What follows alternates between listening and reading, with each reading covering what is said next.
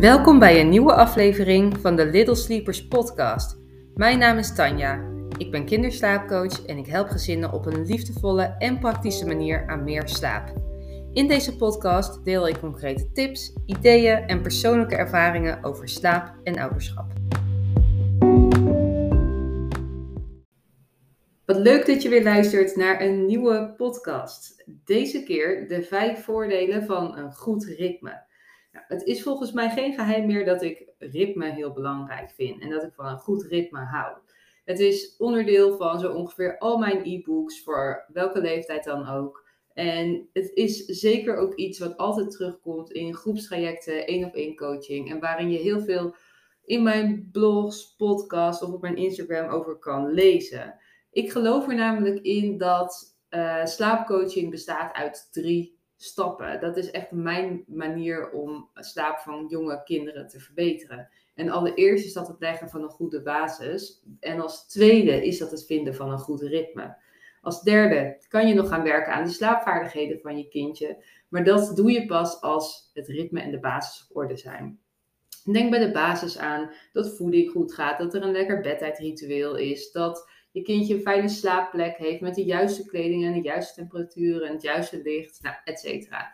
Bij ritme heb ik het echt over het juiste aantal dutjes, de juiste wakkertijden, uh, de, de, totale slaapuren die moeten, moeten kloppen op een dag. Nou, en ik vind het vaak heel fijn om hier ook de focus op te leggen, omdat het dingen zijn die je vaak snel kan verbeteren. Dus een beetje korter slapen of langer slapen of net iets omdraaien kan soms zo'n wereld van verschil maken. En dat is heel erg leuk, want dan heb je vaak gewoon snel resultaat en je ziet dat kindjes er vrolijker van worden. Het is ook een van de dingen die ik zelf ook heel erg moest leren in de eerste maanden toen ik moeder werd.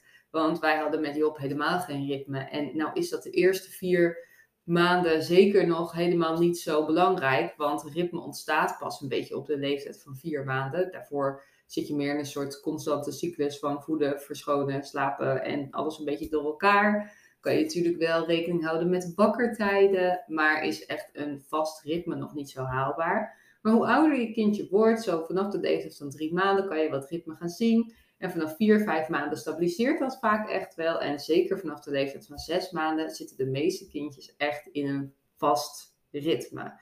En als dat dan nog niet zo is, dan vind ik het vaak heel, leuk om daarin mee te mogen kijken. Want dan gaat er meestal net ergens iets mis wat ervoor zorgt dat het ritme nog niet helemaal lukt.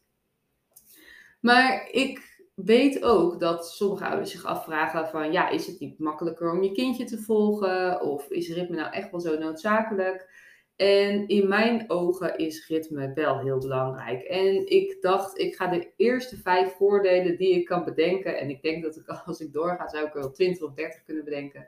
Maar de vijf belangrijkste voordelen van een goed ritme wil ik gewoon gaan delen met jullie. En de eerste daarvan is eigenlijk stabiliteit.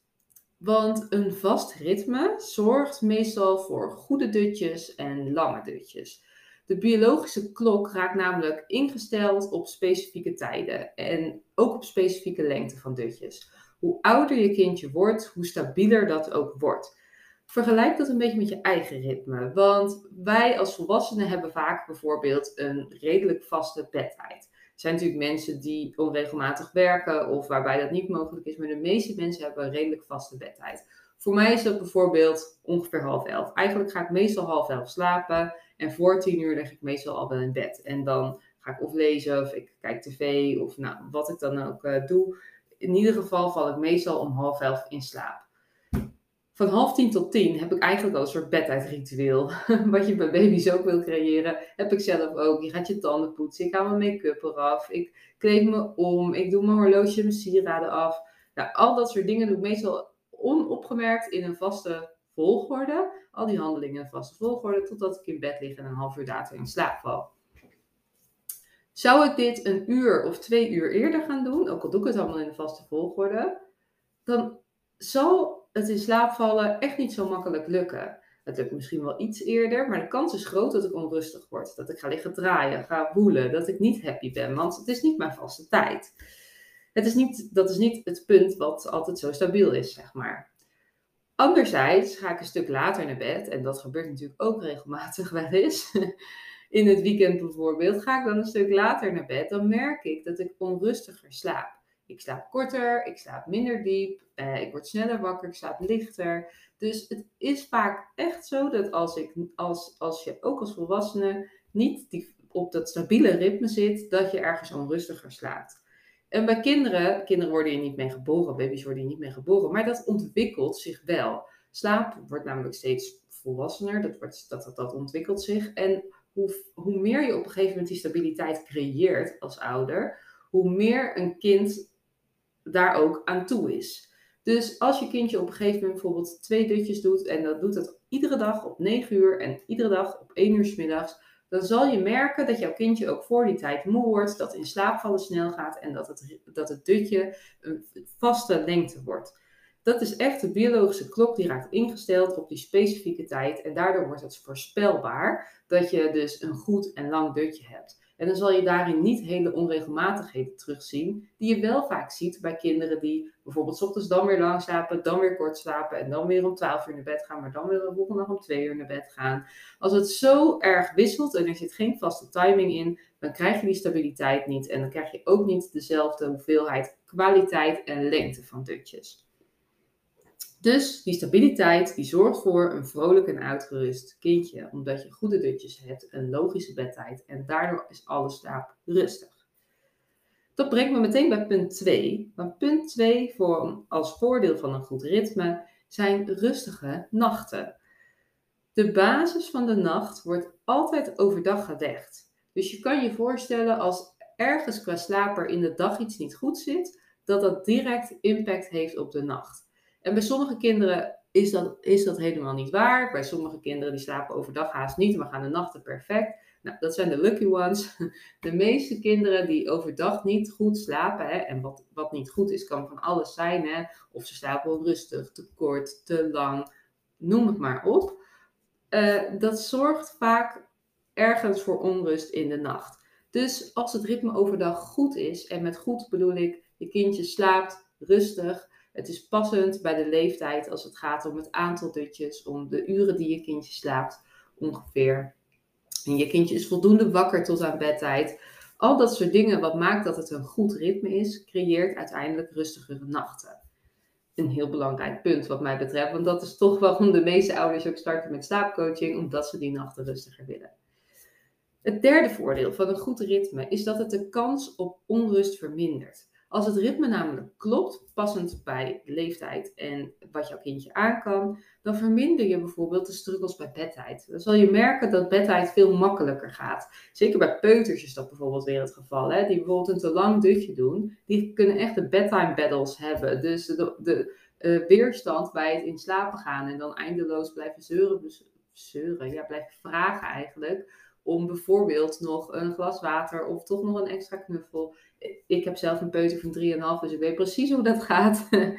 maar die bedtime battles, die kan je eigenlijk voorkomen door het ritme daar misschien op aan te passen. Want je ziet daarin dat peuters soms het dag- en nachtritme wat gaan omdraaien. Die doen nog een te lang middagdutje, maar gaan dan of moeilijk naar bed s'avonds of zijn s ochtends heel vroeg wakker. Dat komt omdat er gewoon een totaal aantal slaap in een dag moet zitten. En als daarin iets uit balans is, krijg je weer die onrustigere nacht.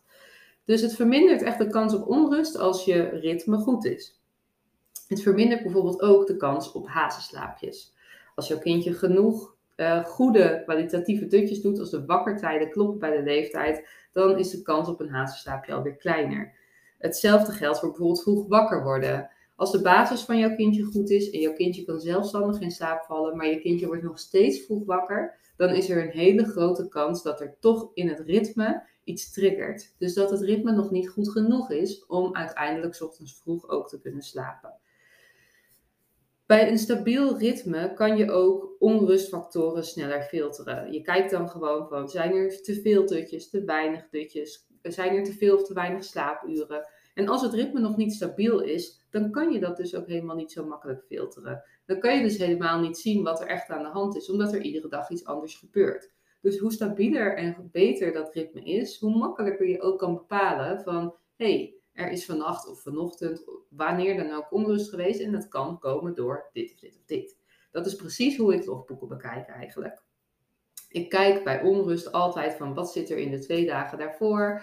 Wat zijn, hoe is het ritme geweest? Hoeveel slaap is er geweest? Is er iets gedaan met bedtijd, vroeger of later, waardoor er bijvoorbeeld s'nachts onrust geweest kan zijn, etc. Dus je kan veel makkelijker onrustfactoren filteren. Dat is eigenlijk een voordeel in een voordeel. Dus het vermindert de kans op onrust, maar je kan ze ook sneller filteren. Voordeel nummer 4 van een goed ritme is dat je onrustige fases beter doorkomt. Denk bijvoorbeeld aan de slaapregressies, sprongen, tandjes. Ik zie vaak dat kinderen die een goed ritme hebben, dat die misschien iets meer of minder slaap nodig hebben, maar dat ze wel redelijk gelijk blijven en stabiel blijven in de nachten en de tijden van dutjes. En hoe stabieler dat blijft, hoe makkelijker en sneller je meestal zo'n fase doorkomt.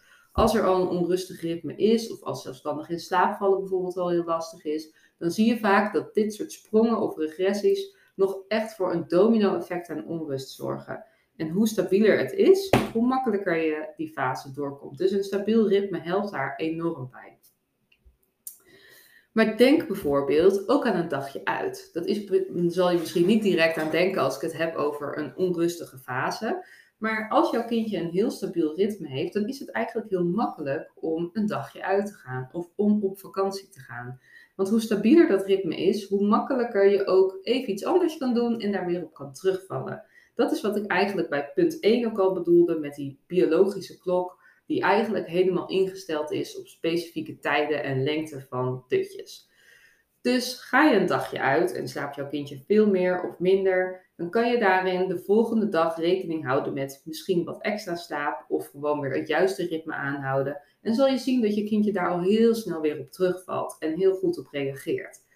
Een, bij een stabiel ritme is een keer lekker uitslapen prima. Is een keer lekker uh, een, een dutje langer doen ook helemaal prima. Omdat je kindje het dan automatisch beter kan gaan reguleren. En wat je vaak ziet als het ritme nog niet stabiel is, is dat een dag uit of een keer uitslapen of een keer logeren of een keer minder slapen, juist weer ontzettend veel onrust brengt. Omdat er dus niks is om terug te vallen. Het laatste punt. En dat heeft niet zozeer met je kindje te maken, maar daarom wel alles met jezelf en dus indirect denk ik ook wel weer met je kindje. Maar het zorgt, ritme zorgt voor flexibiliteit. En ik weet dat dit voor veel mensen tegenstrijdig voelt. Ik heb hier eerder een podcast over opgenomen, maar, opgenomen, maar ik wil hem graag ook nu even benoemen. Ritme zorgt voor flexibiliteit omdat je precies weet waar je aan toe bent.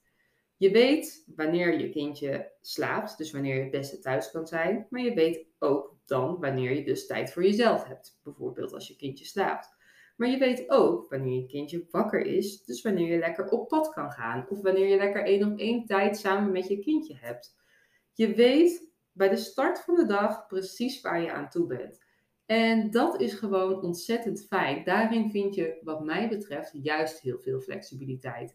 In plaats van dat je heel de dag aan het rekenen bent met, oh, wat is nu handig om te doen? Wordt hij al moe of wordt hij nou niet moe? Dat kan je allemaal loslaten. Je weet gewoon, oké, zo laat gaat hij zijn bed, zo laat gaat mijn kindje weer uit bed, zo laat er weer in, zo laat er weer uit. En dat maakt gewoon dat je in de ruimtes ertussen lekker samen kan doen wat je wil. En als je kindje op bed ligt, lekker voor jezelf kan doen wat je wil.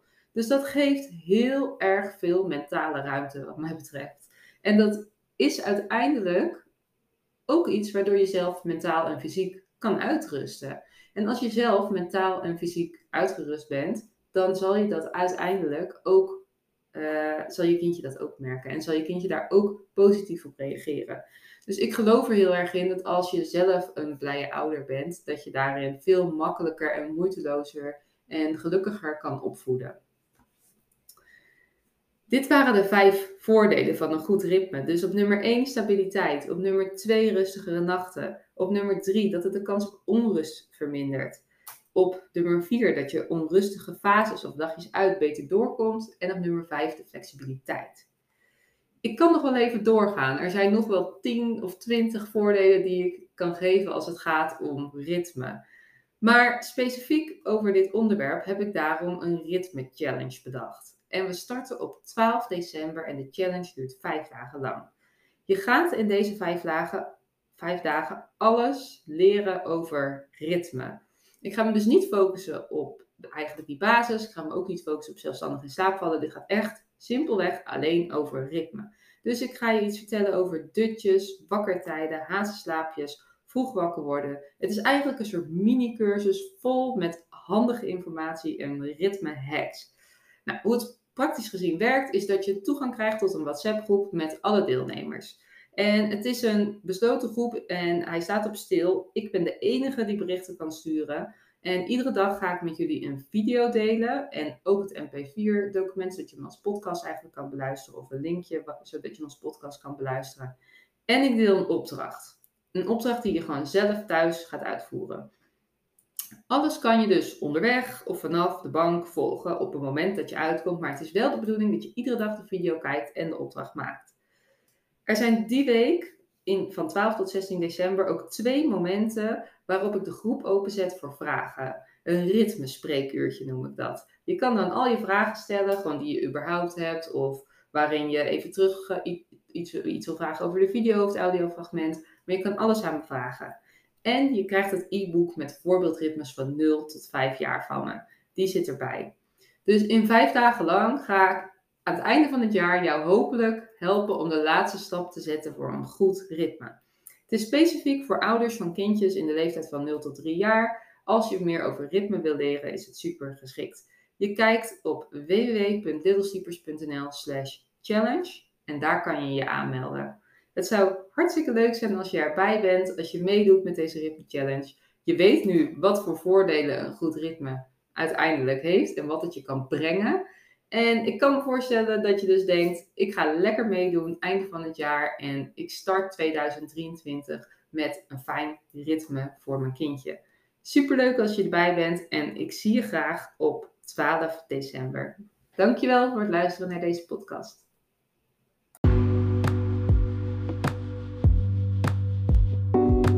Onwijs bedankt voor het luisteren. Hopelijk heb je veel ideeën om meer rust en energie te creëren voor jouw gezin. Laat het me weten. Deel iets over deze podcast op social media of tip hem bij je vrienden. Graag tot de volgende keer bij de Little Sleepers podcast.